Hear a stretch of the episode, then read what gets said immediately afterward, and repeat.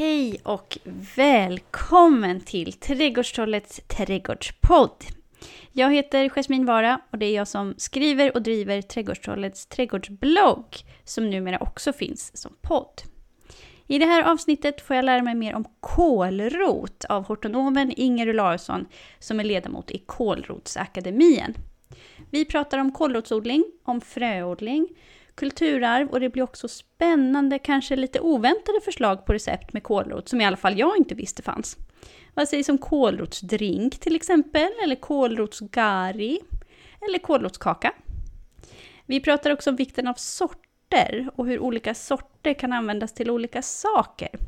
Från att betraktat mig själv som något av en kålrotsanalfabet så är jag numera snarare en nyfrälst kålrotsnovis och känner mig väldigt sugen på att börja odla egen kålrot. Och det hoppas jag att du också vill göra. Nu kör vi!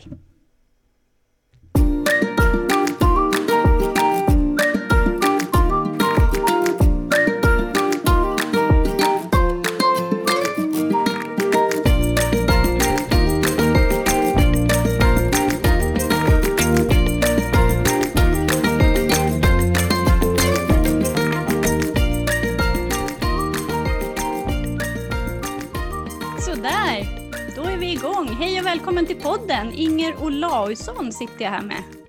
Mm, tack så mycket. Eller med och med, vi är ju nästan grannar. Men vi sitter ju inte i samma rum, det är corona och grejer, så att vi sitter på varsin kammare. Eh, jag sitter i Örbyhus och du sitter i vad då?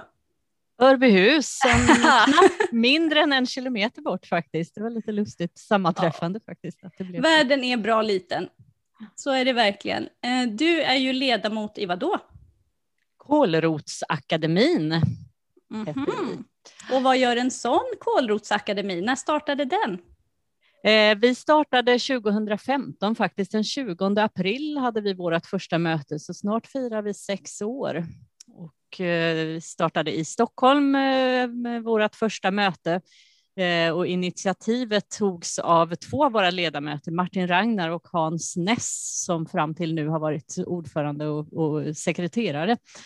Eh, Martin ställde en fråga till Hans, vad vet du om kålrotens historia? Och Hans svarade att det vet jag inte så mycket om, Nej, men då startar vi en akademi för att lära oss mer om detta och för att främja den svenska matens kulturarv, för den är ju väldigt starkt sammanknippad med kålroten, vilket vi kommer att prata lite grann om här. Ja, men ja, och jag vet faktiskt inte heller särskilt mycket om kålrötter måste jag säga. Ehm, ett av skälen till att jag startade den här podden överhuvudtaget, ehm, förutom att det är roligt med en podd såklart, så är det ju så att jag har jobbat i trädgårdsbutik i en himla massa år. 11 ehm, år och 11 månader för att vara exakt. Och det har inte varit mycket till vidareutbildning under den tiden. Så att när jag väl sa upp mig, då kände jag att nu vill jag försöka på något sätt ta igen lite av det och liksom göra lite sånt som jag inte har kunnat göra förut. Och då är vidareutbildning en sån sak. Och därför har jag också valt att välja ämnen att prata om i den här podden som jag själv faktiskt inte kan så himla mycket om. Det finns ju väldigt många trädgårdspersonligheter där ute som kanske är associerade med vissa saker, med rosor eller med tomater eller sådär. Men jag kan inte komma på en enda trädgårdspersonlighet som, som liksom har gett kålroten ett ansikte. så varför det är så kan man ju fråga sig då. Men vad är grejen med kålrötter? Varför har du fastnat just för kålrot? Jag ska säga det att jag har ju en trädgårdsbakgrund precis som du. Jag gick på trädgårdsskola på gymnasiet redan på 80-talet och sen har jag blivit hortonom Eh, och sen har jag forskat inom trädgårdsområdet och så. Och jag visste ju inte heller så mycket om kolet, ska jag erkänna, före jag blev tillfrågad då våren 2015 om att vara en av de 18 ledamöterna i, i vår grupp. Och jag har ju fokus på trädgårdsodling. Vi har varsitt ämne, vi 18 ledamöter. Det är nio kvinnor och nio män, teoretiker, och praktiker och så vidare.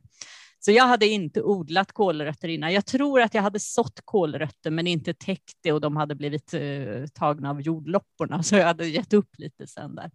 Och jag har väl också precis som väldigt många en ganska fördomsfull syn på kålrötter. Man har fått något tråkigt kålrots, ja, kålrotsmos i skolan, liksom. Eh, men inte så mycket mer. Och det kanske är pulvermos dessutom som man har mött. Men genom att ha varit med i Kålrotsakademin så har jag ju verkligen, Det är ju en helt ny värld som har öppnat sig. Så nu är jag väldigt förtjust i kålrötter, men det var inte det som var, det var inte därför jag blev intagen, eller vad säger jag, intagen blev jag inte, men med en av, ja, ja, kom med i akademin ska jag säga. Eh, så. Vad är bästa sättet att äta kålrot på? Om man vill omvända någon här till kålrotens förlovade land. Hur ska jag tillaga min kålrot då? Det beror på ska jag säga. Och det är väl mycket av det jag kommer att säga här idag så kommer jag väldigt mycket säga det beror på. Eh, för det finns ju en sortrikedom och det är ju mycket det vi vill lyfta fram också. Att det är inte bara kålroten kålrot som ligger där nere på, på ICA här som vi har. Där står ju bara kålrot, det står inte vad det är för sort och det mm. står inte vad den har för egenskaper och så. Det är precis det som vi vill förändra. Att vi ska se på kålroten på på, på, ett, på ett nytt sätt om man säger så. Om jag ställer frågan till dig, vad är ett, ja, vilket, hur ser du på äpple? Har du något favoritäpple? Om, det, om du skulle ju... bara odla ett äpple, vad skulle du odla då? Nej men det där är ju jättesvårt såklart. Eh, man kan ju odla saker av så många olika anledningar. Ofta brukar man ju prata om om man ska prata om strategisk odling, att man odlar antingen då för kvantitet eller för kvalitet. Och eh, jag är ju en äppelperson, jag är väldigt förtjust i äpplen, jag är toksåld på tomater också. Och då är det ju så att det finns ju sorter som inte finns i mataffären, man har inget val. Ehm, dels blir det ju godare när man odlar själv, men sen är det också så att vissa sorter de finns liksom inte att tillgå. Och jag kan tänka mig att det är lite på samma sätt med kålrot vad är det egentligen för sorts kålrot som ligger där på grönsakshyllorna? Det vet man ju inte.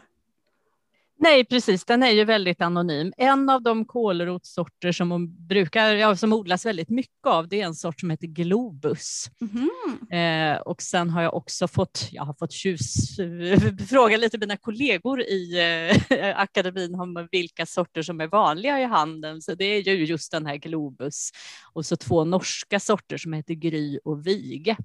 Mm. Eh, vi har ju haft kålrotsprovningar i Kålrotsakademin. Vi har haft eh, ledamöter som har odlat alla sorter vi har bara lyckats få tag på. Vi har haft 50 sorter i odling. Oj. Och vi hade en provning på Grand Hotel med 51 olika sorters kålrot. Som oh, jag tror jag såg den på Youtube faktiskt. Det stämmer. Vi har lagt ut uh, lite filmer och bilder. Det finns ju en hemsida, kolrotsakademien.se, uh, eh, som du ju kommer att länka också på, på hemsidan här och där kan ni se någon bild från den här provningen. Det var ju helt fantastiskt. Och av de här 51 sorters kålrötterna så var vi ett, nästan 30 som provsmaka och fick skriva ner vad vi tyckte och gissa vilken sort som hamnade sist. Det var just den här Globus. Som det är, var det? Ja, det var lite lustigt faktiskt. Eh, så. Men det var, jag var en av dem som smakade på alla dessa 50 sorter. och vi åt ju dessa råa. Mm. Och jag har ju inte odlat så många sorter själv, det har jag verkligen inte gjort. Och, eh, sen är det en sak att prova dem råa, en annan sak att prova dem tillagade och man kan ju tillaga dem på väldigt många olika sätt.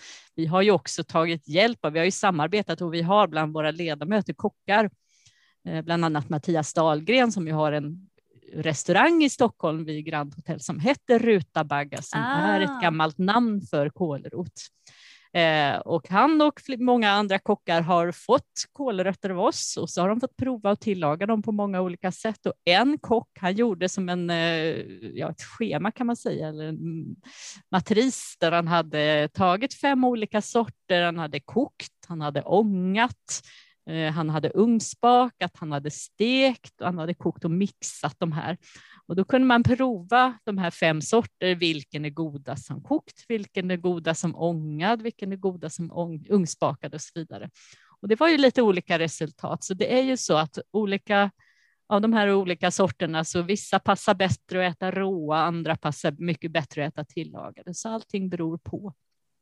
Mm. Vilka sorter är det som ofta kommer i, i topp då, just när man pratar om riktigt goda kålrötter? Jag läste ju er den här boken, Underbara kålrötter, att ni hade som tre grupper. Nu, kommer jag, nu, nu kan jag inte återge exakt vilka de grupper var, men jag minns att den ena hade jag reagerade lite över eh, beskrivningen stall, alltså stallsmak. det kanske inte riktigt är det man tänker är eh, crème de la crème, alltså godast av det goda. Um, den hade väl ganska mycket beska då gissar jag. Och sen fanns det nästa grupp som var lite mindre besk och sen fanns det eh, en tredje grupp som var, var det fruktig och frisk eller något sånt där. Krispiga, vattniga, friska, så. syrliga kan man säga. Så var det och då gissar jag att det är mm. de som är ganska goda att äta färska då gissar jag.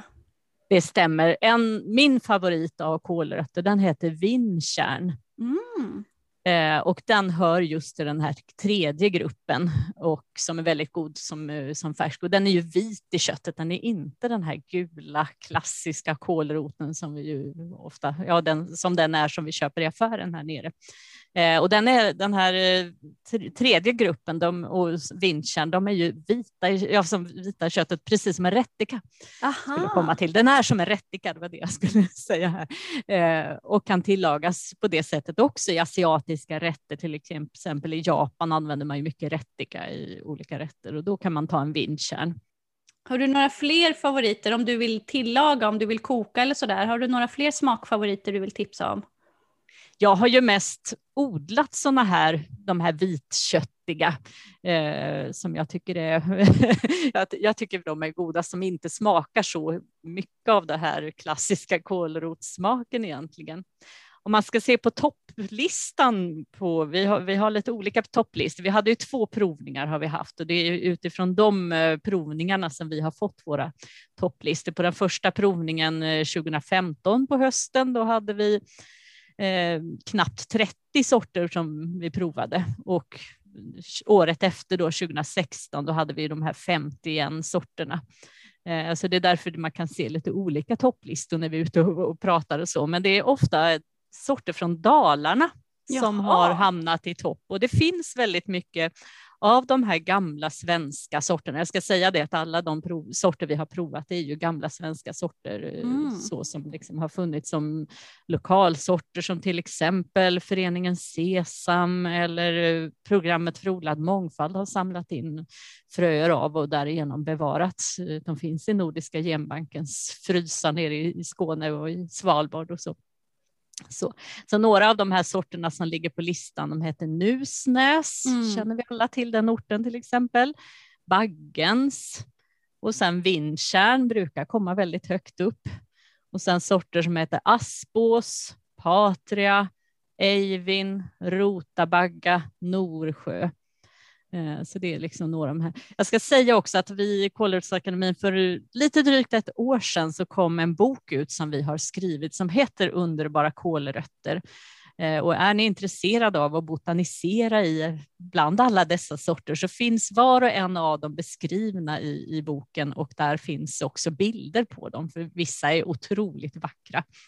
Det finns en eh, sort som heter klintkarin. Och det ja, jag tror att den, den och Nusnäs, klintkarin och Nusnäs känns väl som två, jag vet inte om man kan prata om superstars när det gäller kålrötter liksom, men det känns, om det finns två superstars då är det väl dem. Ja, jo, men det finns klart det finns superstars av kålrötter, det gör det. Och, och Klint-Karin, hon har ju fått pryda vår, framsidan på våran bok. Eh, och jag tycker det är en sån fin berättelse. I, I många fall finns ju berättelsen som är kopplad till de här sorterna bevarade och insamlade också. Och det höjer ju värdet på de här gamla sorterna om man vet vad de har haft för historia och hur de har uppkommit och så vidare. Det var Klint-Karin Persson som hade en gård i Delsbo i Hälsingland och någon gång på 40-talet så fann hon några rötter ute på åkern som skilde sig från rovorna som hon odlade till korna. Eh, och då sparade hon de här eh, rötterna, kålrötterna och fröodlade på dem året efter. Och eh, på det sättet sen har den bevarats i, i hennes familj och, och senare då samlats in av eh, programmet för odlad mångfald tror jag det var. Eh, så, så det, ja, men det, det, det, kan man också läsa i vår bok lite mer om var och en av de sorter som liksom finns, finns historia kring. Men mm. mycket, mycket vacker, slät, fingrön. Ja, ja, jag tänkte fråga, för alltså, ibland så brukar man ju lite föraktfullt prata om Instagram-sorter, alltså sådana där sorter som kanske är väldigt snygga men kanske inte är så goda. finns det någon sån man ska passa sig för bland kålrötterna eller är de liksom på vilket sätt skiljer de sig åt? Finns det någon rödköttig kålrot till exempel? Det har jag aldrig sett. Vitköttiga finns ju. Vitköttiga och gulköttiga och sen en del är liksom lite gulvita. De beskrivs nästan lite Stockholmsvita om man säger det. nästan lite smutsvita och de ser väl kanske inte så tilltalande ut eh, när man ser dem liksom ligga där. Eh, men, men ganska stor, ja, gul, gulvita skalan, men inte rött. Men däremot eh, skalet utanpå, barken som vi kallar dem i, Oj. i Kolhetsakademin, den, den kan ju vara lila och grön och, och ja, alla möjliga nyanser mellan, mellan, däremellan om man säger så. Men om man tänker lite på det här med smak då, vad är det som, vad är det som gör en god kålrot till en god kålrot? När ni gör de här sensoriska smaktesterna, vad är det egentligen ni bedömer då? Det är ju just det här att försöka hitta, dels att försöka hitta ett språk som man kan använda när man beskriver smaken på kålrot. Mm, smakspråk För det är ju inget givet. Och det är ju inget givet och det är ju inte direkt något som det behöver man ju jobba med och, och vi har ju haft två, två provningar eh, så här där vi verkligen har satt ett protokoll i händerna och bland annat jag har fått ett sånt och jag är ju inte skolad i det sensoriska området. Jag har ju inte gjort sådana tester förut. Jag tyckte det var jättesvårt. Sen kommer man ju in i det lite mer och mer. Och sen är det väldigt mycket det beror på. Om man tar de här tre grupperna som du, du nämnde där, träiga, peppriga, jordiga med karaktär av stall var det i grupp ett som passar att torka och kanske syra. Och tvåan då var sötare, fastare, träiga, fruktiga och de passar väldigt bra att tillaga, koka, steka, ugnsbaka eller röka till och med. Oj. Och sen de där eh, krispiga, vattniga, friska, syrliga som passar färska. Och sen vissa av de här kålrötterna, de kan höra till alla tre grupperna. Ah. Det beror ah. lite grann på vad man... Finns det någon bra sån där allround kålrot om man är hobbyodlare som kanske inte har hur stor trädgård som helst. Man kanske har en begränsad yta att förhålla sig till och så vill man odla en kålrot som ändå funkar till det mesta. Finns det någon eller några bra sorter man kan satsa på då? Då kommer vi lite grann till den här problematiken med att få tag på utsäde. Ah, mm.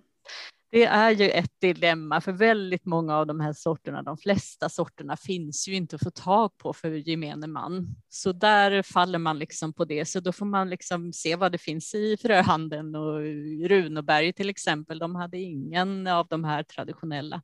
Det finns en firma som heter Kinnekullefrö Mm. Och de har några sorter. De har gul svensk, de har vindkärn, de har bjursås och de har Finnmarkens vita. Eh, och sen finns ju föreningen Sesam. Och där kan man ju också, om man är medlem i Sesam, så kan man ju få, då har man ju möjlighet att få frön av, av andra, andra odlare. Så det första man ska göra, är man nybörjare, då, får man, då kanske man kan höra av sig till Kinnekullefrön och testa några olika sorter och se lite vilken smakgrupp passar mig. Hur äter jag kålrot? Hur vill jag äta kålrot och så? Eh, och sen som nästa steg, då kanske man går med i Sesam och provar lite fler sorter och så får man liksom ringa in. Vi har ju inte tillagat alla dessa sorter som vi har odlat, så det, det finns ju väldigt mycket kvar att upptäcka där och, och prova sig fram till och så. Vi har ju ett antal recept i boken också eh, framtagna av kända kockar och en del mm. mer traditionella rätter som, som kål, eller vad heter det, rotmos heter det såklart. Ja, det känns ju som det mest traditionella klassiska, ja. liksom, rotmos. Finns Precis. det något lite mm, mer modernt, sexigt sätt om man vill liksom sexa till den här kålroten lite? Har du något det gör det definitivt. Det finns fantastiska nyskapade. En eh, sak som jag tycker är fantastiskt gott som är gjort av kålrot, det är kålrotsgari. Oho. Att man behandlar kålrot och i receptet som är framtaget av Fria Ronge som är kock i Stockholm. Hon eh, förordar sorterna antingen gul svensk eller den som heter Weibulls foder. Kanske inte så tilltalande namn, men det, den, är, den har också hamnat högt på våra listor ska jag säga.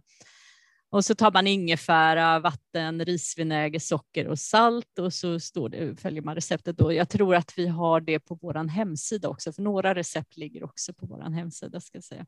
Och det här är ju jätte, jättegott att äta till sushi. Istället för att köpa ingefära och äta så kan man liksom ha de här tunna skivorna. Ja, det kan jag tänka mig. Särskilt om det är lite så här pepprigare, lite pepparrotssmak nästan. Ja, nej men det, det här är jättegott. Sen finns det väldigt mycket roliga fermenterad kålrot med fläder, chili och sjötryffel. Kanske och kära någon. Fint som en liten förrätt på lördagskvällen. Eh, picklad eller fermenterad kålrot har vi också recept på. Eh, och sen finns det också något som ser fantastiskt ut på bilderna som inte jag har provat för jag är inte så duktig kock här som är kålrotspasta. Att man skär med en grönsakssvarv, skär ah. liksom strimlor av kålrot som Äter man, man den rå då lätt. eller ska man lättkoka den på något sätt? Nej, men de kokar man hastigt i, i, ja, i vatten då och sen kyler så och sen serverar till någon eh, sås av något slag. Just det här receptet så är det kantareller, citron och persilja. Ah. Det är Paul Svensson som har. Åh oh, gud, nu blir man ju hungrig. Fast jag nyss ätit lunch. Att det ja, eller hur. Bra betyg. Precis, och sen ska jag också säga att det finns ju såklart efterrätter. Du kan bjuda dina rester, gäster på kålrots, uh, kryddig kålrotskaka efter. Så. Och sen har vi inte minst på lördagskvällen innan middagen, då kan du bjuda dina, rester, re, dina gäster, nu kan inte jag prata, dina gäster på en kålrotsdrink också. Nej men oj! Det finns det flera recept på också. Ja, det är nästan som man kan slänga ihop en, en hel femrätters bara på, bara på en ingrediens, eller inte en, en ingrediens, men en, en huvudperson i grönsaksväg i alla fall. Precis. Vi har ju låtit göra kålrotsbrännvin också. Den kallar vi för kålvados. Så en del av de här drinkarna bygger ju på detta kålrotsbrännvin. Så det, det, finns ju inte i handel, men eh, det, det, det finns att få i, på restauranger Rutabagga i Stockholm. Då, ja, men fantastiskt. Av våra medlemmar eh, driver. Då. Ni är väldigt roligt. Alltså det måste ju gå åt, om man nu vill äta så här mycket kålrötter så måste det gå åt en himla massa rent mängdmässigt. Finns det någon sort som är riktigt sådär produktiv? Det kan jag inte riktigt svara på. Det beror lite på det också. Vi vill ju också lyfta fram det här att du kan, om vi går in på odlingen, att när du odlar kålrötter, dels kan du ta frön och grodda och få kålrotsgroddar. Som du liksom, de kan det tar ju inte så lång tid att få fram det, så då, det är ju väldigt snabbt och produktivt kan man ju också säga. Mm. Sen kan du också när du odlar dina kålrötter skörda dem tidigt som primörer eller du kan ta dem på sensommar när de är en eh, 8-10 centimeter kanske och, och, få en fin produkt. Eller så låter du dem vänta till på hösten och, och du får liksom höstkålrot. Så det, det, är ju också lite grann och, och tar du dem tidigt och odlar som primörer då kan du så flera omgångar på en säsong och då, det är ju produktivt. Så det beror lite på hur du, hur du menar och, och vad man är ute efter det är klart, är man eh, kommersiell odlare så får man ju satsa på ett annat sätt än om man är hobbyodlare som, som du och jag i hög grad är. Kanske. Alltså, jag tycker det är väldigt intressant det här med kulturarvssorter därför att alltså en kritik som finns eh, nu för tiden det är ju kanske att många av de här F1-hybriderna som tas fram att de mer och mer kommer att ersätta de här kulturarvssorterna som då liksom trängs undan. Eh, och riskerar att försvinna för alltid. Men när jag gjorde en sökning på just kålrot, alltså den moderna växtförädlingen har ju kommit långt får man ändå säga. Inom vissa liksom, sorters grönsaker, pak choi till exempel, då är det ju svårt att hitta en sort som inte är F1-hybrid som hobbyodlare nu för tiden. Men när jag sökte just på kålrot på F1-hybrider för att se, då fanns det faktiskt inte så många. Jag hittade ungefär tre stycken, det fanns långt fler sortäkta eller liksom då klassiska, riktiga sorter än vad det fanns hybrider. De få hybrider jag hittade, det var Skärne, det var Tyne och så var det en sort som hette Tweed. Men den här Wilhelmsburger och många av de här andra liksom klassikerna verkar fortfarande finnas i omlopp. Och då blir man ju lite nyfiken därför att växtförädlarna vill ju ofta då få fram specifika egenskaper. Det kan ju vara då till exempel produktivitet. Eller det kan vara att de är kanske motståndskraftiga mot något skadedjur eller sådär. Så att om man då som nybörjare ska välja en kålrotssort som, som är lite snäll, som inte är så bråkig i odlingen, eh, har du några bra tips då? För det verkar ju inte som att man behöver en snegla åt F1-hybriden eftersom det finns så pass få. Det finns ju så många bra riktiga sorter fortfarande kvar i handeln. Ja, kålrot är väl inte en av de svåraste grödorna heller att odla. Ett problem är ju som du var inne på skadedjur. Men då gäller det ju att täcka antingen med fiberduk eller med kolnät från första stund till tills de är färdiga att skörda då. Och då kommer det ju undan mycket besvär som det skulle kunna ha med, med kolrötter, så de är inte så svåra. Det, jag misslyckades lite själv, men det var för att kolnätet inte höll tätt. Ska säga. Oj då, nu försvann. Ja, men då vet du ju varför du misslyckades i alla fall, så det är ju inte hela världen. precis, precis, eller mm. hur? Mm. Vad finns det fler för fallgropar? Jag lite, antar att det är kolfluga eller kolfjäril som kommer där, eftersom det är nät som ska på. Vad finns det mer för fallgropar om jag ska odla kålrot som hobbyodlare för första gången? Ja, en viktig sak att tänka på det är ju det här med växtföljden såklart. Det är ju grundläggande. Kolväxter får man ju inte odla eh, ja, efter varann på samma plats, utan det ska gå minst sex år mellan du har kol på en plats. Och då är det även penningört och lomme, vissa vanliga ogräs hör ju också till kolsläktet mm. som man också får hålla undan då. Eh, så det är ju ett problem. Sen är det jordlopp läppor som är ett stort ah. problem i uh, kålrotsodling och de kommer ju direkt så fort två hjärtblad stadiet kommer där så, så är de ju där och, är på.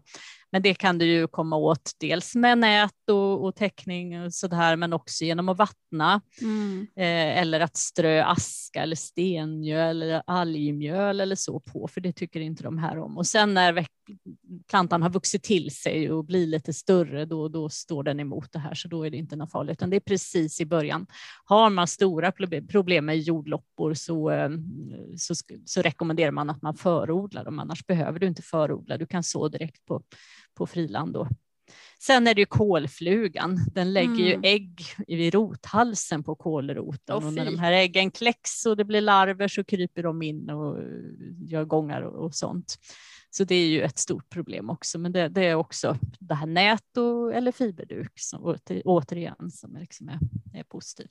Sen blir det ju ofta, det blir ju fuktigt och trevligt och en fin miljö där under nätet också, men det gör ju också att ogräset växer till. Så i början så behöver man ju hålla undan eh, ogräs och, så man ger plats för sina kolrötter. Men sen när kolrötterna växer till så står de emot ogräs väldigt bra och de har ju en rejäl blast också som, eh, som håller nere ogrästrycket om man säger.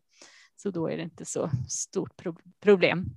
Jag ska återigen koppla till vår bok att där finns ju odlingsbeskrivningar. Det är ju Matti Leino och eh, Elisabeth Ögren och Elisabeth har ju varit rådgivare till yrkesodlare i mm. hela sin karriär kan man säga. Hon är precis nybliven pensionär men det är en mycket, mycket erfaren rådgivare som skriver om detta. Så hur ska jag mm, gödsla mina kolrötter då på bästa sätt? För det känns som att eh, privatpersoner är väldigt duktiga på att antingen så gödslar de inte alls, eller så gödslar de med en himlans massa kväve. Eh, hur ska jag bäst gödsla just kolrot? Du ska ta det väldigt försiktigt med gödslingen och har du haft en gröda innan, till exempel odlat ärtor eller något, så ska du inte gödsla alls. Och det kan snarare vara problem om du gödslar för mycket, för då, då mm. kan du, mhm. eh, så det, du, du kan ligga lite lågt eller låta bli det. Eh, så det, det, det, är väldigt enkelt och bekvämt tips.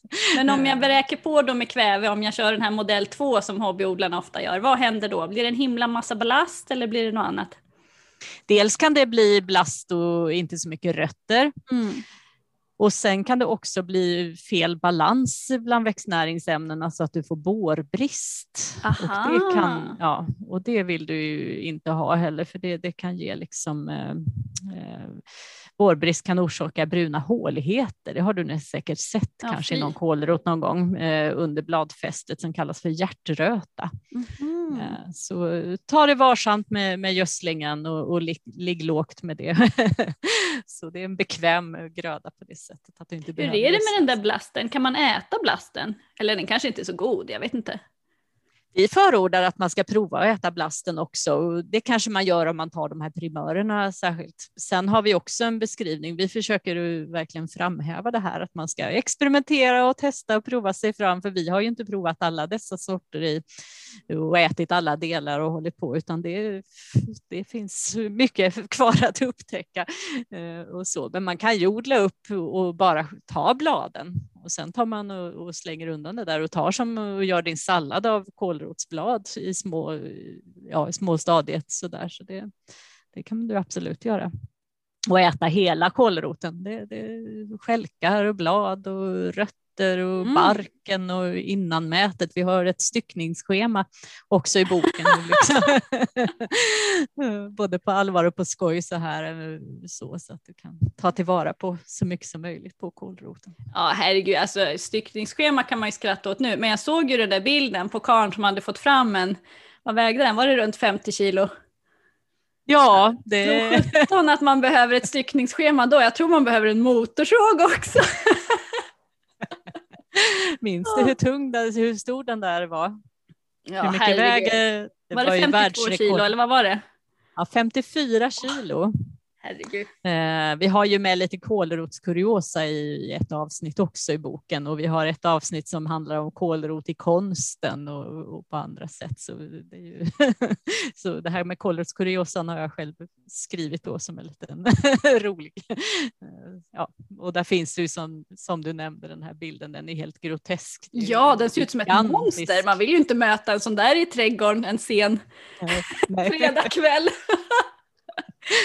Sen, undrar man ju hur god den egentligen var. Alltså det är inte alltid det som är störst som är godast, men det förtäljer väl inte historien riktigt kanske. Nej, nej, nej, jag gillar de här små, eh, lite mindre kålrötterna som man plockar i efterhand i odlingen. Det, de tycker jag nog nästan är de godaste faktiskt, om jag ska säga. Och det är väl också det att man är lite ivrig mm. och är sugen där när man odlar och vill, ja, redan i juli, augusti så vill man liksom ha kålrot, även om den kanske inte är lagringsmogen förrän senare på ja, senhösten så, så är det ju gott att äta lite efterhand. Det tycker jag är det bästa med att odla själv, att man kan gå där och plocka och sätta ihop lite olika måltider. Så. Mm.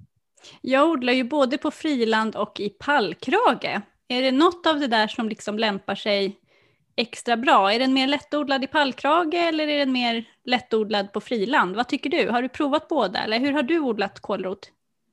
Jag har inga pallkragar så det, jag brukar bygga egna ramar när jag har mm. något liknande. Men jag har, eh, ja, man kan väl nästan kalla det för fasta bäddar det jag har, lite upphöjda bäddar, så där odlar jag. Kålrötter och kolväxter överlag, de tycker ju om lerig jord och det har du ju sällan i pallkragarna. Eh, så som våra odlingsskribenter skriver i boken, att har du lättare jordar, det kan ju vara bra till de här tidigare om du ska skörda tidiga ja, kålrötter och så. Sen har jag en granne här nere, hon odlar sina kålrötter i, i pallkrage och köper frön av mig här. Så hon har haft vindkärn i, i sin pallkrage och så. Eh. Men hur många tror du att det får plats i en pallkrage ungefär? Alltså en pallkrage är en klassisk stor pallkrage. Eh, den är 120 gånger 80, så cirka en kvadratmeter. Då. Eh, hur många kålrötter får plats? Ja, nu får du räkna här ett sätt som man skulle kunna så kålrötter om man vill ha från lite olika storlekar och sånt där. Om du sätter var femte centimeter kan du sätta ett frö. Och sen när de har vuxit till sig, när de har stått där en sex, åtta veckor, då kan du skörda de här primöra. Då tar du bort mm. varannan och då är de kanske en fyra centimeter.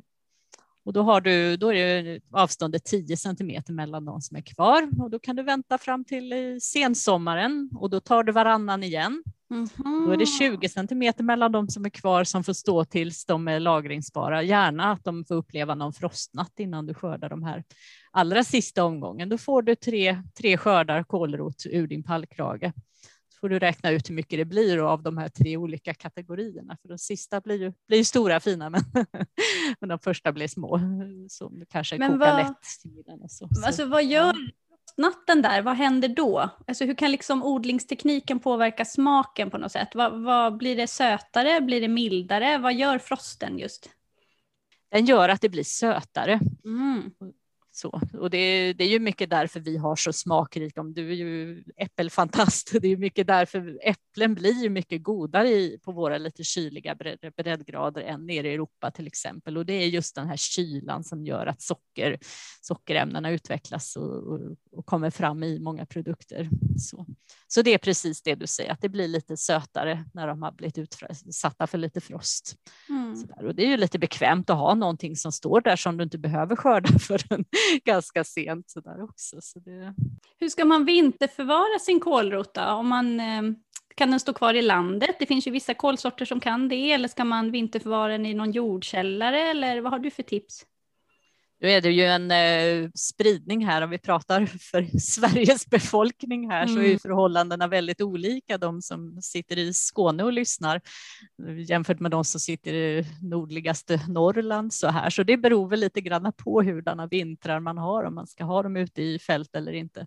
Men man kan ju låta dem stå länge så, så ta in dem. Men de ska gärna ha ganska hög eller väldigt hög luftfuktighet. Mm. Jag brukar själv när jag vinterförvarar, nu har jag ingen bra jordkällare här, men när jag har haft det tidigare, gärna ha fuktig sand och lägga morötter och andra rotfrukter i eh, och hålla den sanden fuktig och, och sen gräver man upp allt eftersom och då håller de sig jätte, jättefint. Det är nästan som det bildas massor med små rötter, liksom, att de nästan lever vidare där nere i, i sanden i lådan i jordkällaren. Då.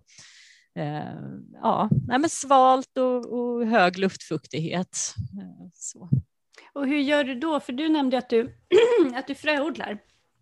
Eh, vi befinner oss... Jag fröodlar inte. Du inte fröodlar jag. inte? Nej, jag gör inte det. Och det beror lite grann på att när man fröodlar så behöver man, ja, det får inte finnas någon annan inom minst en kilometer som också fröodlar kålrot och det känns lite lite vanskligt här. Eh, det är ju en svårighet liksom att man eh, och då behöver du ju också kunna övervintra, för det är ju lite Kålroten hör ju till de växter som blommar andra året som morot och sånt här, så man måste ju vinterförvara dem för att återigen kunna sätta dem i landet och låta dem gå upp i blom. Så om jag vill, om, om jag vill fröodla kålrot, då får jag helt enkelt år ett så får jag dra upp en planta och sen får jag, vadå, jag får gräva upp den och vinterförvara den lite frostfritt gissar jag då. Ja, frostfritt och... Ja, precis. Sen gräver du ner den igen på gärna lite djupare än vad den stod år, första året. Då. Var väldigt försiktig med den när du skördar den på hösten där. Eh, och sen av din skörd så tar du de allra finaste kålrötterna. Det är de du sparar sen till din fröodling, så de äter du inte upp utan de vackraste exemplaren, de bästa och mer, mest sorttypiska, det är de du sparar och vårdar försiktigt och och inte skär bort för mycket från dem heller när du inför höstlagringen. Så. Och sen gräver du ner dem som, som sagt lite, lite djupare än vad de stod innan och sen går de ganska snabbt upp i blom. Då har du rapsbaggarna där så de får du vara lite försiktig med för de kan äta, ah. de tycker om att äta blommorna. Och sen ska du som sagt ha minst eh, en kilometer till eh, raps eller rypsfält eller till andra som fröodlar. Så vi två som bor på mindre än en kilometer ifrån varandra faktiskt, vi kan inte fröodla kålrötter samtidigt för då, då blir det liksom inte den sorten som du har tagit frön och då blir det ju nya sorter av dem. Mm. De korsar sig helt enkelt, det blir ja, ja. Men om du odlar frö, du kan ju ha de här, det blir ju massor med frön om du, har, om du inte har otur med rapsbaggarna och du kan ju spara de här fröna upp till tio års hållbarhet. Där, Oj, så länge? Ja, så då har du så du kan grodda och så du kan odla i åratal. ja. Men man kan inte sätta på någon sån här liten skyddande mm, typ smyckespåse eller någonting för att liksom hindra korspollinering? Ska ju komma åt insekter där för att pollinera också, så du behöver ju ha insekterna för att liksom, mm. och de kommer ju inte in i den där lilla påsen. Heller, Nej, jag så. förstår, då blir det lurigt. Mm. Mm. Men du kanske har några vänner, eller vi kanske har några vänner som bor lite mera... några vänner i Sesam. Nej, det är inte ja. alltid så lätt att veta så vad folk odlar i närheten. Alltså de allra flesta bor ju inte jätteensligt med, med flera kilometer till närmsta granne utan de allra flesta bor ju mm. i närheten av andra människor även om man kanske inte bor i en tätort. Så. Mm. Och rapsfält finns ju överallt, ja. här och var, i alla fall i södra, sydligare delarna av landet. Så är det ju. Ja, och sen är det så mycket som är kol som man inte tänker på i kol. Jag tänker på vår vän rucolan är en sån där också. Just det. Ja. Eh, apropå det här med växtföljd och sådär. Jag får faktiskt bekänna att eh, i och med att jag, jag serieodlar och jag intensivodlar ganska mycket så att jag kan ha väldigt många kulturer i en pallkrage på samma säsong. Och då är det ibland lite svårt. det här med växtföljd just, inte så enkelt att respektera. Men just vad gäller vitlök och just vad gäller kål så är jag ändå ganska stenhård på att följa det. För annars så kan ju resultatet bli katastrofalt. Klumprotssjuka är inte så roligt till exempel. Har du råkat ut för det någon gång? Ja, det har jag faktiskt. Eh, det har jag haft. Nu har jag köpt jord hit, för här fanns inget land när jag flyttade hit, så jag köpte Oj. ett lastbilslass med jord. Och där eh, tror jag har varit kolodling mm. innan och sånt, så jag har haft lite problem. Eh, sen en fördel måste jag säga också med pallkrag, om du odlar i det, då kan du ju byta mycket ja. av jorden. Jag är ju forskare inom något som jag kallar för hortikulturhistoria. Jag ägnar mig åt trädgårdsodlingens och trädgårdsnäringens historia och eh, om man ser växthusodling för då ingick det ju innan man började sanera jorden med het ånga eller med mindre trevliga ämnen som formalin till exempel. Oh, herregud, ja då bytte man ju jorden regelbundet. Man bar ut på bårar, liksom. otroligt tungt och slitsamt arbete. Och så tog man in ny färsk jord för att undvika de här jordburna sjukdomar. Och det kan man ju faktiskt göra om man har pallkragar, att man kan skaffa ny jord och ta bort, liksom, för då slipper du undan det där. Då kan du ju intensivodla och faktiskt ha samma kultur år efter år, fast du byter jorden istället. Så. Ja. Samtidigt så undrar jag lite därför att jag håller ju på ganska mycket med biokol och bokashi och kompost och, så att det blir ju liksom en annan rotation eller vad man ska säga ändå. Eh, jag gröngödslar, odlar vissa saker som jag bara liksom vänder ner och, och sådär. Så att än så länge tycker jag att jag klarar mig väldigt bra. Och jag väljer ju hellre att se på jord som ett batteri, att man kanske inte när iPhonen eller vad man nu har för telefon, när batteriet är slut så kastar man inte telefonen utan då laddar man den. Och, och jag vill gärna se på jord på samma sätt. Um, och, fast det har ju gått ganska bra än så länge. Men vad jag försöker komma till är, jag tycker att det är väldigt intressant just det här med klumprotsjuka och F1-hybrider. Därför att det finns ju fördelar med F1-hybrider. En del tror, jag skriver ganska mycket om F1-hybrider och kulturarvsorter, på min blogg och jag är väldigt tydlig med att göra skillnad på dem, därför att det är skillnad på dem. Det betyder inte att jag är på något sätt är rädd för F1-hybrider eller att jag tycker man ska passa sig eller att de är liksom bara negativa, absolut inte. Det finns även fördelar och särskilt vad gäller klumprotssjuka så har det ju faktiskt tagits fram sorter av kål, vet jag i alla fall, som är, man kanske inte ska säga resistenta, men i alla fall motståndskraftiga. Finns det något sånt på kålrötter som du känner till? För jag har aldrig hittat det.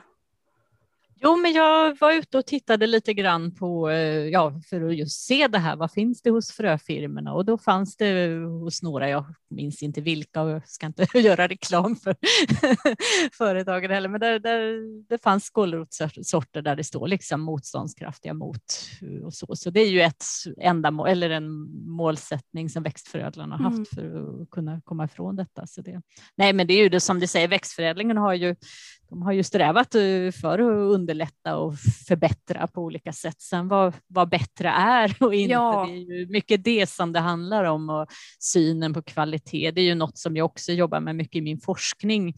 Eh, jag jobbar mycket med det här från, från mångfald till enfald. Hur har det yeah. gått från det här att man har odlat mängder med olika sorter av, av grönsaker till exempel till att vi bara har ett fåtal eller äpplen Eh, till exempel. Och det var ju mycket för att underlätta för handeln, att det är lättare att få ut dina produkter, att de är mogna samtidigt, att de som har butiker, de vet liksom, de kanske lär sig några sorter och och då är det de de vill ha. De vill ha en viss storlek, de vill ha en viss färg, de vill ha en sort liksom, som är snygg också. Mm. Eh, står du och säljer på eh, Reko-ringen, då kan du prata själv för dina produkter eller på torget som man gjorde förr. Eh, så, då kan du säga, ja men den här den kanske ser lite konstig ut, men den är fantastiskt god och särskilt om du ska göra mos. Liksom. Men produkter i högre grad såldes genom livsmedelsbutiker. Då fick de ju tala för sig själva. Då skulle de ju se snygga ut och dessutom konkurrera med de här perfekta äpplena som kom från Australien eller från mm. USA eller Tyskland eh, som låg där och var ja, helt perfekt utseendemässigt och samma storlek och jämn fin färg och var verkligen utvalda i odlingarna för att ha perfekt utseende. Mm. Så det är mycket det som att våra, våra odlare var tvingade att liksom anpassa sig för att motstå konkurrensen. Och, liksom kunna. och så är det ju fortfarande till viss del, alltså än idag. Och man kan ju verkligen ifrågasätta då, alltså, precis som du säger, bättre på vad? Alltså, eller kanske snarare bättre på bekostnad av vad? Mm. Min erfarenhet vad gäller både äpplen och faktiskt tomater också är att det har ju ofta många av de här förbättringarna som har skett, till exempel då att hållbarhet eller som du säger att allting mognar samtidigt eller att de är mer enhetliga, alla ser likadana ut. Det har ju faktiskt skett på bekostnad av smak. Varför? Det är ju många som frågar då, ja men varför ska jag hålla på och jaga, det är så jobbigt att jaga de här sorterna, varför ska jag göra det? Var, varför ska jag odla kulturarvssort som privatperson? När det ju finns så himla många andra kommersiella sorter som är lättare att få tag på. Vad har du för, försvar till någon. Ja, men det är just den där mångfalden. Vi vill ju ha mångfald på alla sätt. Liksom. Vi vill inte bara ha en sorts vin, vi vill inte bara ha en sorts äpple, utan det är just det här att hitta det här, upptäcka det här för att det dels är det ju bra för biologisk mångfald och eh, har lite, beter sig på lite olika sätt, men också det här smakmässiga, att det är ja, just användningsområden, att det blir så mycket roligare att laga mat. Ja, vad ska vi göra med den här? Den smakar lite pepprigt. Ja, men då kanske den passar till detta och så får man mm. sådana här fantastiska upplevelser i köket till exempel, eller du kan smaksätta med något som är lite pepprigare om du har någon, någon som är lite mer utslätad i smaken. Men sen är det ju också en kulturgärning. Och, eh, och så. Det är klart, de, dessa nya sorter, de, det har ju inte varit målet i första hand med smak, utan det är precis som du säger, att de ska kunna transporteras längre eller kunna hålla längre, att det går längre tid från skörd till att de faktiskt når kunden eh, och de ska kunna ligga i butiken, att vi minskar svinnet kanske och det kan ju vara bra sak som man liksom vill, vill komma åt för många av de här kulturarvssorterna. De kanske inte klarar sig lika länge och blir lätt stötta om det gäller äpplen till exempel. Och det är ju, då får vi ju väldigt mycket svinn och det vill vi ju som sagt inte ha, utan man får men också hitta rätt sort för rätt ändamål. Ska mm. det gå in mm. till industrin så kanske man kan ha en mångfald och, och ändå liksom göra olika sorters sylter och marmelader och, och sådana saker om man nu är på frukten då. Men ska de gå till butik och, och en viss typ av butik då får de ha en viss egenskap. Ska de gå till rekoring då kan de ju ha en helt annan egenskap och det är då du kan hitta det här roliga och 50 sorters tomater kanske. som man liksom kan Halleluja! och också få den här eh, längre säsong, att vissa tomater eh, tidiga, mogna tidiga och andra har du senare på hösten och några kan du ha fram till våren liksom igen. Så.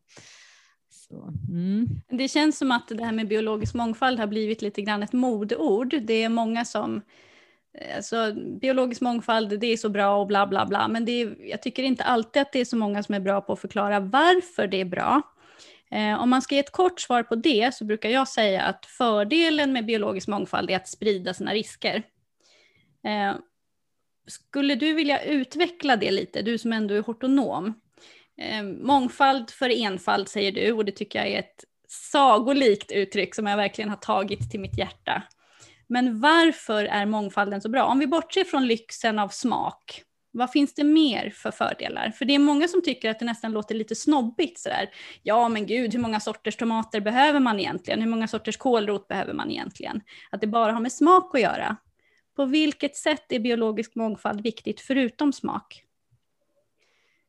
Ja, om du har en eh, odling och odlar väldigt många olika sorter så ja, dels riskspridning är något jag brukar lyfta också, att eh, vissa år eh, går det bättre för vissa grödor än för andra och också med sorter, att vissa sorter kan klara sig bättre än andra. Men sen är det också lite ur växtskyddssynpunkt. Mm. Om man tänker sig att du har eh, blommor och grönsaker om vartannat så lockar du ju de här naturliga fienderna till många skadeinsekter.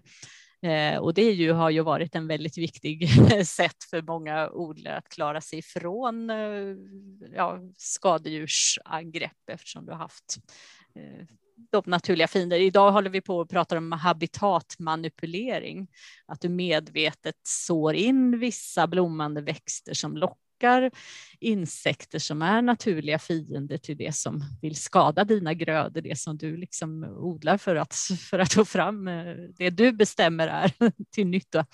Ehm, så, eh, så det är ju någonting som man får fram och som man också kan se att eh, äldre tillbaka, längre tillbaka, de handelsträdgårdar jag tittar på som fanns från slutet på 1800-talet och början på 1900-talet där det fanns massor, massor, massor med olika sorter, lite grann av varje. Eh, man hade ju inte de växtskyddsmedel som kom senare. Då skulle man säga, ja men har du problem med kolfluga, då kör du med lite DDT-pulver eller jordloppor eller så eh, Men, men det hade man ju inte innan, utan det var det ju det här man var väldigt beroende av. Att, mm få in liksom naturliga fiender och sånt. Och också en ständig närvaro och gå där och plocka. Mm. Men sen kan det också vara, jag ska jag prata på trädgårdsmässan, så jag håller på att förbereda ett föredrag där och då mm. är det en trädgårdsmästare som jag har tittat på som höll till på Runnmarö och han sålde sina produkter under fyra månader på året så fanns hans kundkrets på Sandhamn. Det var rika stockholmare som åkte dit.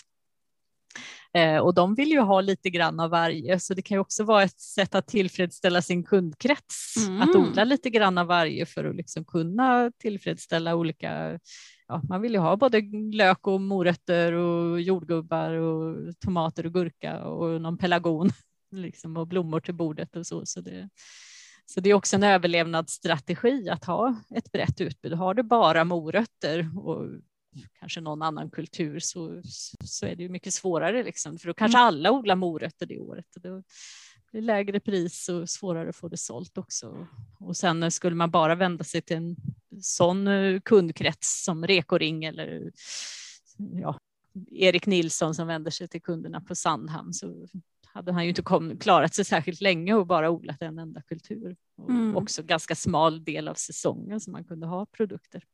Men har du en mångfald så kan du också ha saker som är salufärdiga under hela, hela sommaren och hösten och kanske vintern och så också.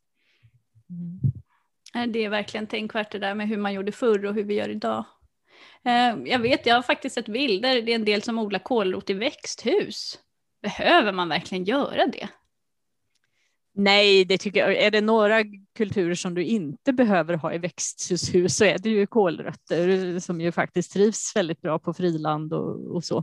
Men det är klart, vill du odla och få sådana här primöra primörkolrötter så kanske du kan ha ett litet hörn i växthus. Men det är så mycket annat man hellre skulle ha i växthuset så det är dumt liksom att ställa in kolrötterna där. Eh, sen är det varmt och torrt så kan ju en del drabbas av mjöldagg också. Mm. Svampsjukdom som vi inte nämnde förut när vi pratade om växtskydd. Eh, det är ju också något som växtförädling liksom har haft som mål att minska den typen av sjukdomar. Och där vi också har sett en variation bland våra de sorter vi har provodlat, att vissa är mer mottagliga än andra. Och det gynnas ju av att det är torrt och varmt och det kan det ju bli i växthus och då kanske du inte vill ha en gröda som liksom är ganska lätt mottaglig för det i så fall. Hur har det gått för era provodlingar? För det har ju varit, jag tänker på eh, det här otroligt nyckfulla vädret. Vissa somrar har ju varit så himla heta och nu förra sommaren så var det ganska kalla nätter faktiskt. Um, var ligger de där provodlingarna någonstans?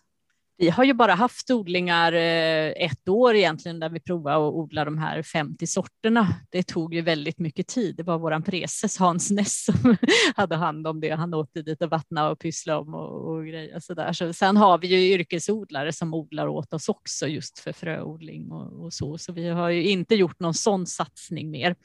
Vi ägnar oss ju åt mängder med andra teman också i Kålrotsakademin. Så kålroten var vårt tema första året. Mm. Men temat för i år det är bortglömda fiskar.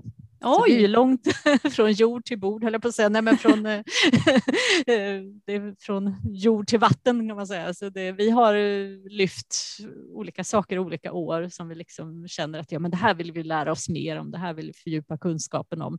Och så har vi också ett väldigt viktigt mål för det vi gör, att vi vill också sprida kunskap om det vi jobbar med. Eh, så vi har haft teman som, ja först var det kålrot och sen var det dialekten som krydda. Där vi lyfte upp Institutet för språk och folkminnen som ju har en fantastisk skattkista med kunskap om mm. hur våra förfäder, vad de har odlat och, och just det, det här dialektala som olika namn för kålroten där rutabagga är ett namn och som ju faktiskt används som är namnet för kålrot i, utomlands på många håll. Så Sen har vi haft det levande kulturarvet och där var det föreningen Sesan som blev, vi har en pristagare varje år som är knuten till temat, så de var våran pristagare då 2018. Eh, sen hade vi bär som tema ett år. Förra året var det pannkaka och i år Oj. är det bortglömda fiskar. Nej, men... högt och lågt.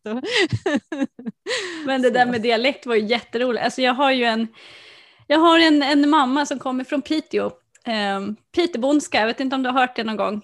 Eh, Pitebonska är en väldigt eh, speciell dialekt, det är nästan som ett eget språk faktiskt. Det är svårt att förstå det om man inte verkligen kan prata det. Nu vet inte jag riktigt vad kålrot heter på pitebonska, men jag kan nästan garantera att det är något riktigt magstarkt. Säkert i stil med något med rotabaggar. Men hur har ni gjort med det temat rent konkret? Har ni liksom tagit fram recept på, på dialekt eller hur har ni, hur har ni jobbat med temat? Där hade vi, nu ska vi se, vi försöker att ha något seminarium eller så ah. kring våra teman. Antingen externa eller där vi även bjuder in externa deltagare eller så har vi hållit det lite mer internt bara, bara för oss som man säger. Det beror lite på tid och så. Vi jobbar helt ideellt ska jag säga också. Mm. Vi kan ha vissa projekt där vi får finansiering men i stort sett det mesta arbetet vi gör det är helt ideellt och det påverkar ju också hur mycket satsningar vi kan göra på varje tema. Eh, men där hade vi, ja det var Institutet för språk och folkminnen som blev pristagare där som sagt, så då åkte vi dit och hade ett seminarium där. Det började egentligen, de visste inte om att han skulle få priset heller, för de har gjort en fantastisk databas som heter Matkult. Matkult.se tror jag man kan gå in på, eller på Institutet för språk och folkminnes eh, hemsida. Och det är helt fantastiskt. Det finns ingångar som mjölk, det finns ingångar som frukt och bär, det finns ingång med kål. Och Oj. Du kan läsa massor med spännande saker och där finns uppteckningar. I vissa teman finns det inspelningar också som du kan ta del av. Det finns fotografier och där finns recept. Eh, så där kan du hitta recept från olika delar av landet och också hur olika saker, vad det har hetat. Och, ja, det är så mycket, det går inte att beskriva kortfattat utan man måste ut där och, och, och röra sig och upptäcka. Det finns en karta också så där kan du gå in och, se liksom vad det finns för material från Piteå eller här från Örbyhus eller från oh, Skanör eller var sjutton du är ifrån. Så. Men jag tänker nu i pandemitider, är det här någonting jag kan sitta och söka hemma på min dator eller måste jag fysiskt bege mig till det finns på din dator ja, hemma. Men vad härligt. Då kanske vi till med kan länka till det här, det vore ju härligt. kan lyssnarna gotta ner sig. Ja, det är väl värt det. Kan man, där fastnar man i timtal, alltså med gråärtor och oh. ja, men det finns så mycket roligt. Så. Mm. Just det här med kunskap är ju någonting som jag verkligen brinner lite extra för. Eh, när man har jobbat många år i butik då kan man ibland bli lite ledsen och bitter över att det står så otroligt lite om produkterna som man förväntas sälja på de här små lapparna. Eh, till och med företagen som själva då producerar de här produkterna som vi ska sälja eh, har ju tyvärr sällan mycket att berätta om sin egen produkt. Eh, och jag tror att det kanske är det som har gjort att jag själv har blivit så sporrad att liksom ta reda på mer. Det är någonting som jag skulle önska att eh, branschen som helhet skulle bli bättre på. Jag brinner ju personligen lite extra just för det här med sorter. Um, det är skillnad på en tomat och en tomat och det är skillnad på en kålrot och en kålrot. Ehm, men jag tänker, är det någon fråga som du tycker att jag har missat? Vad vill du prata mer om eller vad önskar du att trädgårdsmedia ville ta upp mer? Vad saknar du i trädgårdsdebatten just nu? Jag, just nu är jag väldigt innördad på det här historielösheten. Det är så uppenbart många gånger att det finns en historielöshet i trädgårdsbranschen som är så sorglig. Eh, vi måste uppfinna hjulet igen. Mm. Det kan mm. dels vara att vi missar att berätta historien om de här spännande sorterna och överhuvudtaget uppmärksamma att vi har ett kulturarv bland kålroten. Så. Men eh, jag stöter ju mer på det här med att man lyfter över åh, stadsodling, det är något nytt. Men i själva verket är det ju stadsodling. Så länge vi har haft städer oh. så har vi odlat i städer och särskilt trädgårdsodling och då ska man inte kalla det för trädgårdsodling. Man ska kalla kalla de som odlar trädgårdsgrödor för trädgårdsmästare, inte stadsbönder. Mm. Det tycker jag är så synd, för det finns en fantastisk historia. Eh, sen har det väl varit ett glapp några decennier när vi inte har odlat så mycket i städer eftersom handelsträdgårdarna som det fanns tusentals av, om över hela landet eh, och så var försvunna. Men nu, nu tack och lov så är det fantastiskt alla dessa småodlare som återigen tar upp den här traditionen och odlar nära städer. För det är ju så lämpligt. På liten yta kan du få enormt hög avkastning av livsmedel och blommor och annat. Eh, och sen också det här market gardening kallar man, man är market gardener idag. Och så finns det beskrivningar, det är ju en kanadensare bland annat som heter Fortier som har infört det här, eh, ska odla i fasta bädd hittar och, och, just det här att du, ja, du ska inte gräva. och, och, där står också, åh, det här är så fantastiskt för du kan få jättehöga skördar på, på samma yta och genom att odla i tunnlar och under väv så kan du liksom få tidiga kulturer. Åh, du kan odla massor med saker på samma plätt under en säsong. Liksom. Och det är exakt det som vi har gjort i våra städer, i våra handelsträdgårdar. Market Garden på svenska är ju handelsträdgård. Mm. Det är ju inget som har försvunnit och det är så sorgligt det här att det, det, blir en historielöshet. Vi tappar kontakten med det som har varit och då gav vi också miss, mycket miste om den kunskap, den erfarenhet som de här odlarna faktiskt har. Det finns ju fortfarande många, många odlare som har odlat i många decennier och har en enorm kunskap om hur det är att vara produktiv småskalig grönsaksodlare på våra breddgrader. Hur ska man lyckas med detta? Men den kunskapen är ingen som har fångat upp. Nej. Och de här nya gröna vågarna, eller vad man ska säga, det som mm. tillämpar market gardening och upptäcker detta, det är ju fantastiskt, det är ju inget dåligt med det.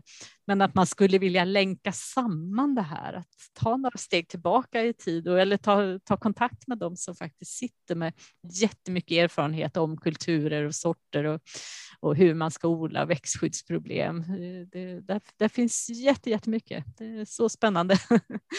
Mm. Ja, jag blev väldigt, väldigt glad när jag hittade er hemsida ska jag säga, därför att Um, alltså internet är ju fantastiskt på många sätt. Det finns ju hur mycket information som helst och det finns hur många människor som helst som, ehm, som kommer med välmenande råd och tips, men det är inte alltid så lätt att hitta någon som, som vet vad de pratar om. Och de som är väldigt duktiga på det här med media, alltså själva alltså mediumet som, som internet och film och alltså rörlig bild och, och allt det där är, alltså de som jag brukar kalla för medianer.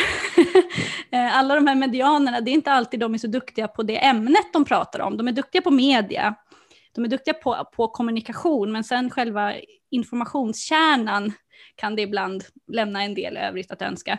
Så därför blev jag så otroligt glad när jag hittade er hemsida. Jag kan varmt rekommendera den. Eh, det finns så mycket. Jag börjar nästan alltid att sitta och googla på saker när det är reklampaus på tvn. och sen så om det är en bra sida jag hittar, då glömmer jag bort vad det var jag tittade på tv och sen är filmen slut och jag har inte ens liksom reflekterat över det för jag har så fullkomligt gått ner mig i den här härliga eh, informationssidan. Och eran sida är verkligen en sån. Eh, boken tyckte jag också var riktigt, eh, riktigt fullspäckad. Jag tänker, är det någonting vi har missat? Alltså allting står ju såklart mycket mer om i boken, men är det någonting vi har missat nu som vi borde ta med innan vi avslutar här nu? Oh, vad svår fråga. Eh, jag tycker man ska läsa boken och, och gotta in sig där och sen ska man följa oss på Facebook också. Där är ju också en kanal med mycket kunskap där vi kontinuerligt lägger upp nya saker och det kan ju vara sånt vi har missat i boken eller att det kommer in tips från läsare och sånt som uppmärksammar saker och så. Eh, det är intressant att du uppmärksammar att det finns mycket kunskap på vår hemsida. Vi har ju arbetat väldigt medvetet och har bland våra ledamöter alltid haft kommunikatörer, journalister, skribenter som också är väldigt, väldigt kunniga i de här ämnena och har jobbat med, med våra teman av olika slag också. Så det, det är en medveten strategi, eller det är ju det vi jobbar för, att vi vill ju att det här roliga, det är ju inte bara vi som ska ha roligt, även om vi är Sveriges roligaste akademi. vi har otroligt roligt på våra möten och så. Det är, ja, det är fantastiskt underbara människor verkligen. Men vi vill ju också sprida denna glädje och denna kunskap i, i de här fantastiska råvarorna. Eh, så. Mm. Det är en väldigt lekfull bok måste jag säga. Eh, jag eh, satt och läste den när min lilla son låg och sov bredvid mig och jag garvade högt flera gånger, stackars pojken, Han, blev väckt titt som tätt. Så att ja, där, där har ni verkligen lyckats. Den, den kan jag varmt rekommendera. Men tack snälla Inger Olausson för att du vill vara med i podden. Så ska jag slänga upp en rejäl länklista sen här på, på min blogg så att folk kan gå in och läsa vidare och snoka vidare om de vill. Tack så jättemycket. Det var fantastiskt roligt att vara med och roligt att ni har upptäckt oss. Ja, eller hur? Jag vill gärna ja. lyfta lite sådana saker som jag vill veta mer om. Och det här kunde jag ju inte så mycket om, men tack vare dig så kan jag mycket ja. mer nu i alla fall. Vi får odla kålrötter så får vi byta med varandra så får vi ha en liten provsmakning här. Ja, vi får väl göra det. Kanske inte fröodla, men, men odla. tack snälla ja, tack. för att du ville vara med Inger. Du får ha det så bra. Mm, tack så mycket. Hej hej!